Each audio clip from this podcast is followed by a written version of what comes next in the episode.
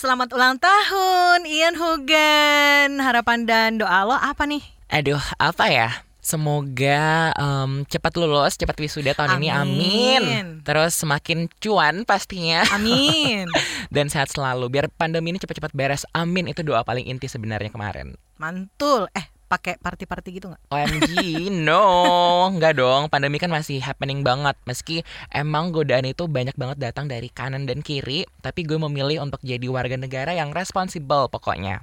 Nggak ada tuh pesta, hanya doa yang menyerta dalam langkah-langkah berikutnya. Salam amin, super. Amin, amin. Eh, sekarang kamu lagi dengerin FOMO Sapiens dari KBR Prime Jalan pintas yang gak bakal bikin kamu ketinggalan berita atau peristiwa di sekitar kamu Saya Aika Dan saya Ian Hogan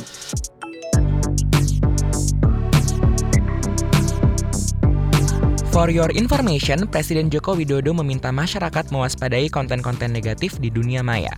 Menurutnya saat ini diperlukan pemahaman lebih terkait literasi digital agar masyarakat dapat memilah dan mengisi informasi dengan tepat. Itu disampaikan Jokowi lewat kanal YouTube Sekretariat Presiden RI dalam rangka peluncuran program Literasi Digital Nasional 2021. Presiden Jokowi juga meminta masyarakat untuk mengisi ruang digital dengan konten-konten positif dan mendorong masyarakat untuk terus meningkatkan kecakapan digital sehingga mampu menciptakan lebih banyak konten-konten kreatif yang mendidik. Kata Presiden Jokowi, internet kudu mampu meningkatkan produktivitas masyarakat, termasuk membuat seluruh UMKM go digital. Itu bakal memberi nilai tambah ekonomi bagi seluruh lapisan masyarakat tentunya. Sepakat Pak, we need more positive vibe nggak sih di negeri ini? Dan itu tadi, literasi digital nggak cuma penting untuk meningkatkan produktivitas masyarakat secara ekonomi, tapi juga pendidikan, toh bahwa nggak semua yang lo baca atau lihat di medsos itu benar adanya. Dan gue pikir nih ya, literasi digital lebih penting ketimbang memenjarakan orang-orang nggak sepakat dengan pemerintah dan menuliskan atau posting opininya lewat medsos. Kan dididik dulu, baru deh tuh kalau masih nakal, baru dijewer. Eh, itu termasuk kekerasan juga deh ya. LSM Amnesty International Indonesia menilai pernyataan Menko Polhukam Mahfud MD sebagai sebuah pembiaran atas konflik yang terus terjadi di Papua. Peneliti Amnesty International Indonesia Ari Pramuditya menyebut pemerintah belum bisa mencarikan solusi penyelesaian dan terus membiarkan operasi militer berlangsung.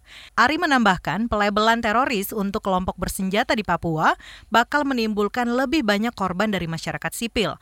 Pemerintah masih masih mengedepankan pendekatan militer dan belum punya kemauan untuk mencari solusi yang lebih humanis, yang mengedepankan kemanusiaan untuk menghentikan kekerasan di Papua. For your information, sebelumnya Menko Polhukam Mahfud MD menyatakan ia sudah memerintahkan aparat untuk menumpas kelompok bersenjata di Papua. Beberapa waktu lalu, Pak Mahfud sempat bikin pernyataan yang mengklaim bahwa 92% masyarakat Papua tidak mempunyai masalah dengan negara kesatuan Republik Indonesia. Duh, yakin Pak? Nggak ada masalah um, sama pendidikan, sama akses kesehatan yang merata. Sementara hutan sudah rata dengan jalan Trans Papua. Duh, orang-orang di sana nggak ada masalah pemerintah yang terus-terusan memilih pendekatan militeristik pemerintah. Ya kali, Pak. Orang terima-terima aja di operasi. Eh, lo sempat ngikutin berita soal anak-anak yang di Rukia itu nggak sih? Eh iya, sedih banget nggak sih itu? Itu gue rasa ya orang tuanya kayaknya perlu dirukiah gitu. Biar setan genderuwo atau apalah itu keluar nggak sih dari badan orang tuanya? Untung gue nggak sampai kesetanan pas baca berita itu. Aduh nggak kepikiran deh gue kok bisa gitu loh kepikiran sampai ke sana? Duh iya banget lagi. Harusnya ya koruptor-koruptor itu nggak sih yang perlu dirukiah biar setannya keluar semua? Asli lu maksa banget. Tapi lucu juga kali ya biar koruptor tuh jerak gitu loh. But mm, I'm not sure if it will work babe Setannya mah udah sekelas dakjal kayaknya ya. Duit bantuan sosial aja diembat pakai karaoke pula. Hah, susah banget sih kayaknya untuk mengenyahkan korupsi di negara ini.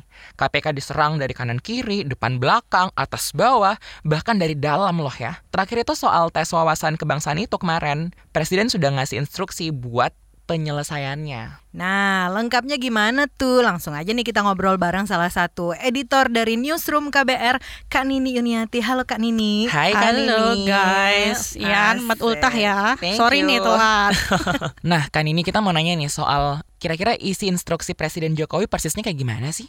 Ya, seperti yang kita tahu ya, kemarin itu kan sempat beredar surat keputusan. Persisnya itu nomor 652 tahun 2021 yang ditandatangani KPK.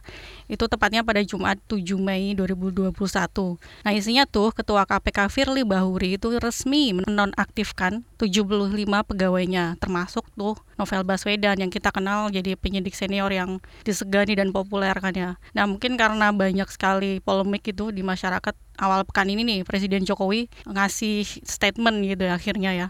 Nah Jokowi meminta nih agar hasil tes wawasan kebangsaan tuh terhadap para pegawai KPK nggak dijadiin dasar untuk memberhentikan pegawai KPK. Nah, Presiden juga ngasih arahan pengalihan status pegawai KPK itu menjadi ASN harusnya itu menjadi bagian dari upaya untuk pemberantasan korupsi yang lebih sistematis. Sementara hasil tes wawasan kebangsaan terhadap pegawai KPK tuh hendaknya menjadi masukan untuk langkah-langkah perbaikan KPK baik terhadap individu-individu maupun institusi KPK dan tidak serta-merta dijadikan dasar untuk memberhentikan 75 pegawai yang dinyatakan tidak lolos tes. Arahan selanjutnya nih kalau TWK ini, tes ini dianggap ada kekurangan, semestinya masih ada peluang untuk memperbaiki. Nah, Presiden ngusulin para pegawai yang nggak lolos ini bisa mengikuti pendidikan kedinasan tentang wawasan kebangsaan dan langkah-langkah perbaikan di level individual maupun organisasi. Nah, Jokowi negesin juga keputusan pimpinan KPK harus sesuai dengan pertimbangan Mahkamah Konstitusi dalam putusan pengujian Undang-Undang Nomor 19 Tahun 2019 itu tentang Undang-Undang tentang KPK yang paling baru itu yang kemarin juga luar biasa polemiknya kan. Kalau nggak salah ingat waktu itu hakim yang membacakan putusan itu hakim dari unsur pemerintah Bu Eni Nurbaining sih. Dia bilang kalau alih status pegawai KPK itu nggak boleh merugikan gitu para pegawainya gitu. Nah, Presiden minta pimpinan KPK, terus Menteri Pan RB dan Kepala BKN untuk merancang tindak lanjut bagi program 75 pegawai KPK yang dinyatakan nggak lulus TWK tadi. Tapi udah ada tanggapan belum nih dari pimpinan KPK setelah Presiden ngasih instruksi itu? Yap, udah ada. Nah, wakil pimpinan KPK Nurul Gufron tuh sempat menyampaikan beberapa poin. Beberapa poin yang diungkapin Nurul nih ya. Dia bilang kami mengapresiasi komitmen tinggi Presiden terhadap pemberantasan korupsi melalui pernyataan bahwa KPK harus memiliki SDM terbaik yang memiliki komitmen tinggi untuk melakukan pemberantasan korupsi. Untuk itu kami sepakat akan menjadikan hasil tes wawasan kebangsaan sebagai masukan untuk langkah perbaikan lembaga dan individu KPK. Nah, selanjutnya dia bilang kami menyambut baik pesan Presiden bahwa sesuai dengan pertimbangan MK dalam putusan uji materi undang-undang tentang KPK tadi yang menyatakan bahwa proses pengalihan pegawai KPK menjadi pegawai ASN tidak boleh merugikan hak pegawai. Selanjutnya, dia bilang menindaklanjuti arahan Presiden kami mungkin KPK maksud dia akan melanjutkan koordinasi dengan Kemenpan RB, Badan Kepegawaian Negara dan lembaga terkait lainnya. Terakhir dia bilang dengan arahan presiden ini kami berharap proses alih status pegawai KPK menjadi pegawai ASN dapat segera selesai dengan tetap taat asas dan prosedur sehingga kita bisa kembali fokus pada kerja-kerja pemberantasan korupsi. I see. Terus untuk pegawai-pegawai yang dinonaktifkan itu kira-kira tanggapan mereka sendiri gimana? Ya, uh, para pegawai yang dinonaktifkan ini minta nih pimpinan KPK segera mencabut SK yang tadi gue sebutin sesuai dengan instruksi atau arahan Presiden Jokowi. Nah, Kepala Bagian Perancangan Peraturan dan Produk Hukum pada Biro Hukum KPK, Rasa Mala Aritonang, sempat ngomong kalau sejauh ini Ketua KPK Firly Bahuri dan empat pimpinan lain belum bersikap usai Presiden Jokowi merespon polemik penonaktifan 75 pegawai lembaga anti rasuah. Dia sepakat dengan apa yang disampaikan Presiden Jokowi. Keputusan menonaktifkan itu sudah merugikan 75 pegawai KPK yang dianggap tidak lulus dalam rangka alih status menjadi ASN. Ya, padahal seperti yang gue tadi sebut sesuai putusan MK, peralihan status menjadi ASN itu nggak boleh merugikan para pegawai. Ada update baru nih, 75 pegawai KPK yang dinonaktifkan tadi itu melaporkan 5 pimpinan KPK ke Ombudsman terkait dugaan maladministrasi. Setidaknya ada enam pelanggaran nih yang diduga mereka lakukan. Dua di antaranya tuh pelanggaran maladministrasi dalam proses wawancara dan penonaktifan 75 pegawai KPK. Ah, tapi ini pastinya ngaruh ke penyidikan atau penanganan kasus korupsi dong? Yap, sebagian mungkin meyakini demikian ya atau memperkirakan akan terjadi seperti itu. Soalnya dari 75 pegawai yang dinonaktifkan itu ada 7 kasatgas penyidik KPK yang menangani beberapa kasus dugaan korupsi kakap. Beberapa kasus di antaranya itu masih terus berjalan penyidikan atau pengembangan kasusnya. Yang pertama nih Novel Baswedan tentunya. Tebak ya.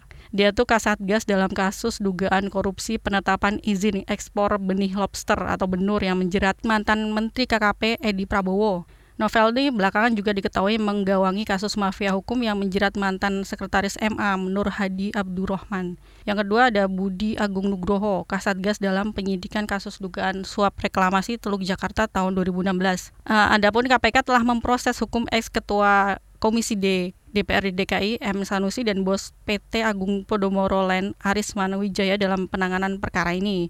Nah, selain itu dia juga menangani dugaan korupsi terkait perubahan anggaran pendapatan dan belanja negara APBN di Kementerian ESDM tahun 2013. Kasus ini menyeret ex-ketua Komisi 7 DPR Sultan Batu Gana. Yang ketiga ini Andre Dedi Nainggolan, Kasatgas yang memimpin penanganan kasus dugaan korupsi bantuan sosial COVID-19 yang menyeret mantan Menteri Sosial Juliari Peter Batubara ke muka persidangan. Nah, bersama penyidik Praswat yang juga dinonaktifkan, Andre ini berhasil membuat total lima tersangka mempertanggungjawabkan perbuatan mereka secara hukum. Ini perkara ini masih terus berjalan di pengadilan tipikor. KPK ini baru-baru ini mengumumkan tengah melakukan penyelidikan baru terkait kasus ini. Selanjutnya ada nama Budi Sukmo. Dia sempat menangani kasus dugaan korupsi Heli Agusta Westland 101. Kemudian ada Rizka Anung Henata. Baru-baru ini dia menangani kasus dugaan suap yang melibatkan penyidik AKP Stefanus Robin Patuju dan Wali Kota Tanjung Balai Sumatera Utara M. Syahrial. Yang terakhirnya Afif Julian Miftah. Afif pernah menangani kasus dugaan penerimaan gratifikasi atau rekening gendut calon Kapolri Komjen Budi Gunawan. Waduh, ini si pilar-pilarnya yang diserang ya berarti ya. Makanya. Udah deh kita stop dulu ngomongin KPK. Aduh, puyeng aku toh. Nah, kira-kira selain KPK ada apa aja nih pengejaran berita lainnya untuk pekan ini? Oke, kita sih masih lanjut ya. Kita masih mengikuti perkembangan konflik Papua pasca pelabelan teroris buat kelompok bersenjata di sana ya. Dan isu-isu lainnya tentunya program vaksinasi pemerintah yang pasti kita akan terus kawal, termasuk dua kasus kematian yang terjadi setelah menerima vaksin AstraZeneca.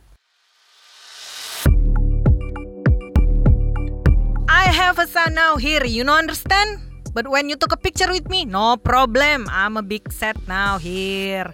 Come on, 200 pictures every day, no problem. Until 1 million picture, no problem. I'm happy to take picture. Yeah, yeah, yeah, I'm happy to take pictures. Kenapa lo bun sehat? lagi kumat bun, ini gue lagi ini latihan impersonate mak-mak viral di Pantai Kuta Mandalika Lombok itu loh yang rame selasa lalu.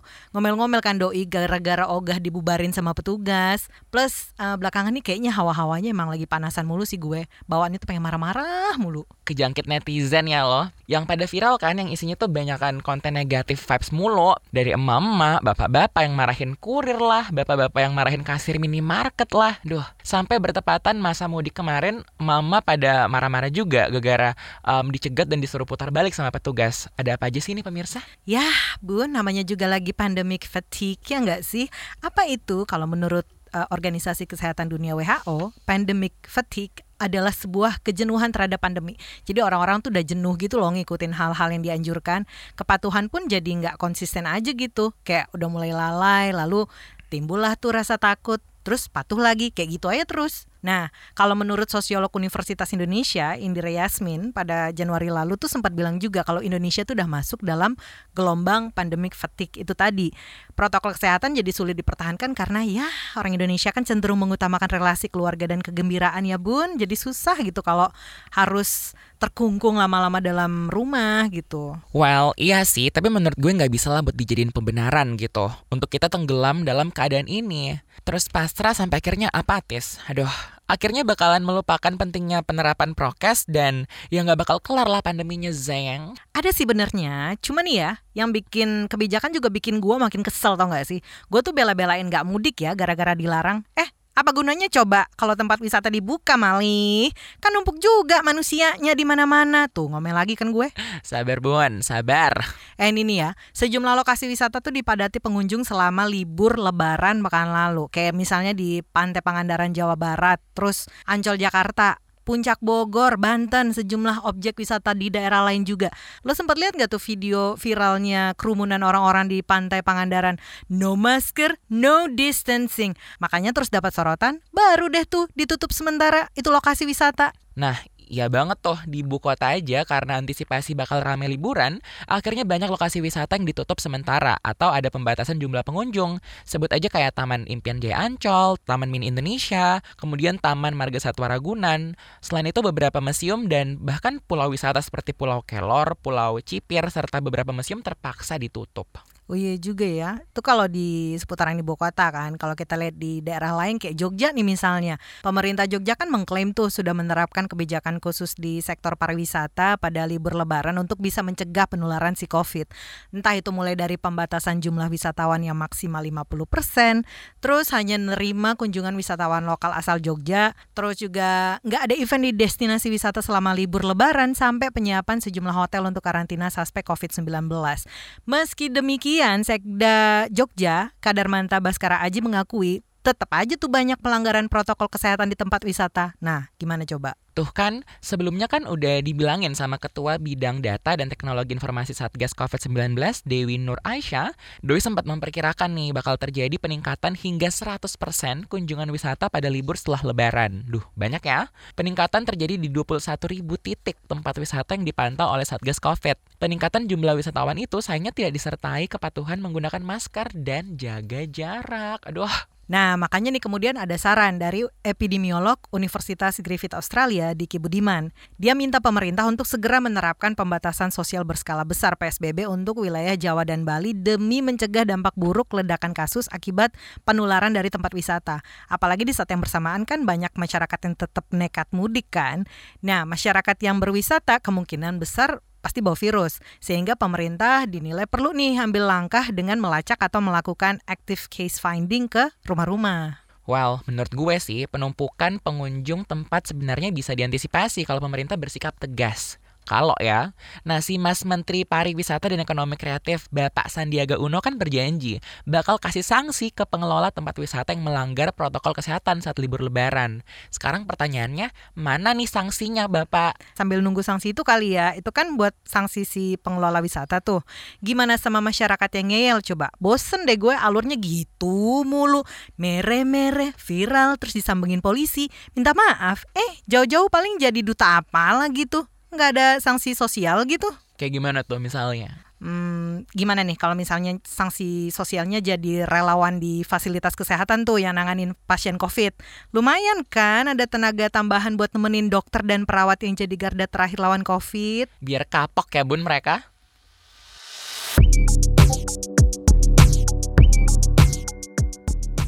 Question of the day. Menurut lo nih, kalau ada kasus yang melibatkan anak pejabat, terus kasusnya tuh nggak kelar-kelar, itu biasanya karena hukum yang tajam ke bawah tumpul ke atas, atau karena polisinya mager aja?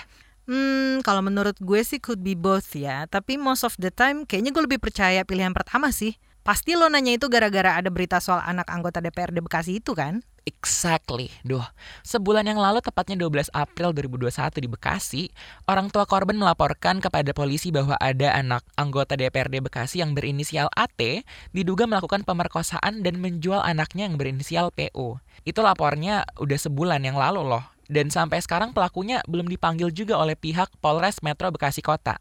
Ini jangan-jangan pelakunya udah kabur ke negara lain terus bikin identitas baru kali ya? Kebanyakan nonton film deh loh. Tapi hal itu juga yang dicurigai oleh orang tua korban yang berinisial D ini. D bilang kalau dia sudah mewanti-wanti polisi kalau AT bisa saja melarikan diri.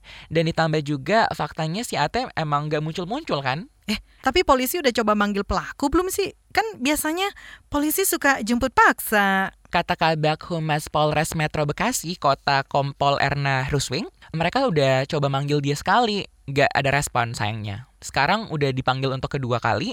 Kalau ini nggak diwaro juga, siap-siap dijemput deh. Wih, emangnya si bapaknya AT yang katanya anggota DPRD Bekasi itu nggak tahu gitu anaknya ada di mana? Kalau kata pengacara keluarga terlapor sih Bambang Sunario, bapaknya udah nggak ketemu anaknya dari bulan Januari, Bo dan misalnya si Ati ini ketemu, keluarganya juga bakal nyerahin dia ke kepolisian untuk ditindaklanjuti. Istilahnya kayak udah deh terserah mau diapain anak gue. Eh buset, kayak udah bener-bener nggak ada otak ya. Ada sih otaknya cuman nggak dipakai aja kali ya.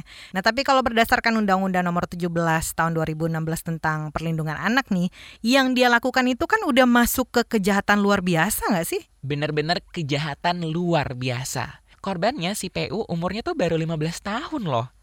Sedangkan AT umurnya 21 tahun. AT diduga memerkosa, menyekap, dan menjual PU melalui aplikasi michat. Aduh, sakit hati gue. Semua ini dilakukan di sebuah indekos di Kelurahan Sepanjang Jaya, Bekasi Timur. Eh bentar-bentar, apa sih hubungannya antara si pelaku dan korban ini? Menurut pengakuan ibu korban, mereka itu sempat berpacaran selama kurang lebih 9 bulan. Anaknya sering dipukul dan disetubuhi secara paksa sama AT. Things got escalated hingga PU disekap di Indekos yang tadi gue sebutin itu. Dan dipaksa buat layanin 4-5 pelanggan dari micet yang tarifnya aduh cuma 400 ribu per orang. Gila, fucking sick, don't you think? Ini udah masuk ke trafficking dong ya? Exactly. Dan kata Ketua Komnas Perlindungan Anak, Aris Merdeka Sirait, AT bisa kena minimal 10 tahun, maksimal 20 tahun, dan bisa ditambahkan hukuman seumur hidup, bahkan hukuman mati loh. Dia juga bilang karena ini kejahatan luar biasa, maka buktinya juga harus kuat buat nangkap si AT. Ah, I see. Tapi kalau dari pihak korban nih, udah ngasih bukti apa aja ke polisi? Orang tua PU bilang dia udah ngasih surat laporan, keterangan korban keterangan saksi-saksi, bukti visum, hingga barang bukti pakaian. PU juga terkena penyakit kelamin akibat dipaksa melayani pria hidung belang oleh AT. Aduh, please, please, please cari dong ini pelakunya. Giliran angkep yang di medsos aja cepet banget. Masa yang kayak gini aja nggak bisa ditemuin? Curigation deh gue. Curigation. Makanya tadi di awal gue nanya pendapat lo kan, karena suspicious banget gitu. Ini kalau udah ngelibatin pejabat dan polisi, duh trust issue gue. Gue banget trust issue. Tapi gue jadi keinget nih kasus yang mirip-mirip di NTT tahun 2016 tuh. Kan ada kasus dugaan pemerkosaan terhadap anak berinisial EDJ. Nah pas kejadian korbannya masih kelas 6 SD dan sekarang udah SMA. And guess what? Sampai tahun lalu kasus ini belum ketemu titik terangnya di mana. Pelaku tuh masih di luar sana doing God knows what. Masa sih bun? Terus terus? Nah makanya nih tahun lalu juga 2020 keluarga EDJ menggugat Kapolri dan Kapolres Sika ke Pengadilan Negeri Momere. Ketua Tim Advokasi Hukum Kemanusiaan Yohanes Dominikus Tukan bilang bahwa dasar dari gugatan itu adalah karena kepolisian sempat menahan pelaku tiga minggu, eh tapi abis itu dibebasin. Alasannya karena terkendala petunjuk jaksa yang belum lengkap. Oh, jadi kalau ada kasus mandek bisa jadi karena koordinasi yang kurang terpadu antara polisi dan jaksa gitu? Nah, betul banget tuh. Nah, ini nih cukup krusial ya kalau kita lihat data Kementerian Pemberdayaan Perempuan dan Perlindungan Anak dari 1 Januari sampai 16 Maret 2020 itu ada 400-an kasus kekerasan seksual dari total seribuan kasus kekerasan terhadap perempuan dan anak. Angka itu tuh, itu kasus yang dilaporin loh ya. Dan nggak nutup kemungkinan juga banyak yang nggak ngelapor. Terus gimana nih Kapolri kita Bapak Listio Sigit Prabowo yang baru aja dilantik di awal tahun ini? Kira-kira ada upaya nggak sih untuk meningkatkan sensitivitas dalam penanganan kasus pelecehan dan kekerasan seksual? Hmm, kalau lihat di program 100 harinya sih nggak ada sih yang secara spesifik nyebut soal penanganan kasus pelecehan dan kekerasan seksual ya. Tapi ada sih satu poin yang nyebutin kalau Kapolri pengen mempercepat penyelesaian penanganan kasus-kasus yang jadi perhatian publik. Oh, kuncinya berarti harus viral dulu nih ya, baru kasusnya cepat diselesain. Ember.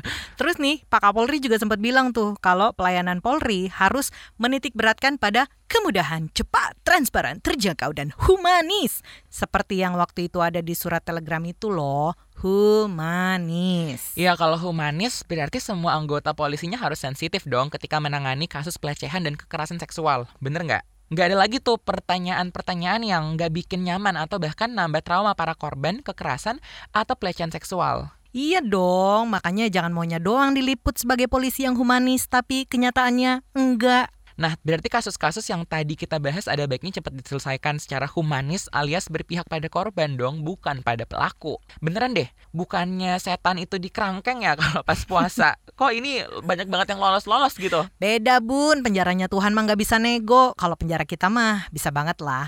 Minimal pesan pakai AC atau jacuzzi juga bisa.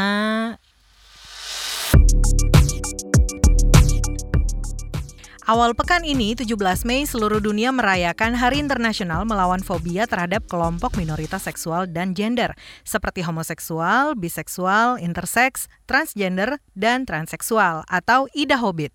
Ide Hobbit diadakan untuk meningkatkan kesadaran akan pelanggaran hak dan mendorong ketertarikan terhadap perwujudan hak-hak LGBTIQ+ di seluruh dunia sehingga para pengambil kebijakan, politisi, pemerintah, dan masyarakat menghilangkan atau menghapuskan rasa kebencian terhadap LGBTIQ. Kalau di Indonesia, peringatan Ida Hobbit mulai digelar secara serentak di beberapa kota antara lain Jakarta, Yogyakarta, dan Surabaya sejak tahun 2007. Peringatan ini penting banget karena masih banyak banget diskriminasi, stigma, stereotip, hingga kekerasan terhadap LGBTIQ+ di Indonesia. Kebencian dan kekerasan ini dilakukan terhadap kelompok LGBTIQ di ranah privat maupun publik. Contohnya, pembubaran kegiatan, persekusi, kekerasan fisik, hingga sulitnya akses pekerjaan karena banyak pemberi kerja yang fobia dan lingkungan pekerjaan yang nggak ramah terhadap LGBTIQ. Arus Pelangi pernah bikin laporan yang isinya soal kekerasan dan diskriminasi yang dialami teman-teman LGBTIQ di Indonesia. Laporan bertajuk Catatan Kelam 12 Tahun Persekusi LGBTI di Indonesia mencatat, dalam rentang 2006 hingga 2018 terdapat 1.800-an LGBTIQ+ yang menjadi korban persekusi. Pelaku kekerasan pada LGBTI didominasi eksekutif dengan persentase 20%, legislatif 16%, aparat penegak hukum 6%, dan tokoh masyarakat 8%. Well, harapan gue sih semoga dengan adanya ide Hobbit ini, para kelompok minoritas bisa semakin mendapatkan hak mereka um, secara merata gitu. Karena jelas kita tahu tidak ada yang perlu ditakuti dari seksualitas maupun gender seseorang. Nah, kemarin nih gue sempat ikutan sebuah project Under Unsilence, Intersastra, dan Kak Elisa Fitri. Itu adalah sebuah project bertaup cerita trans yang kita tuh ada 12 orang transgender yang kita diberi pengajaran untuk mengolah kisah kita sebagai transgender dan tantangan yang kita hadapi selama ini dan nantinya akan kita pentaskan wujudnya itu pementasan dan juga karya tulis gitu. Jadi semoga deh dengan semua ini kita kaum minoritas bisa diberi ruang untuk bersuara dan tentunya juga masyarakat umum bisa semakin mengerti gitu kalau kita tidak perlu ditakuti. Oke, itu dulu buat pekan ini. Saya Aika. Dan saya Ian Hugen. Sampai ketemu pekan depan.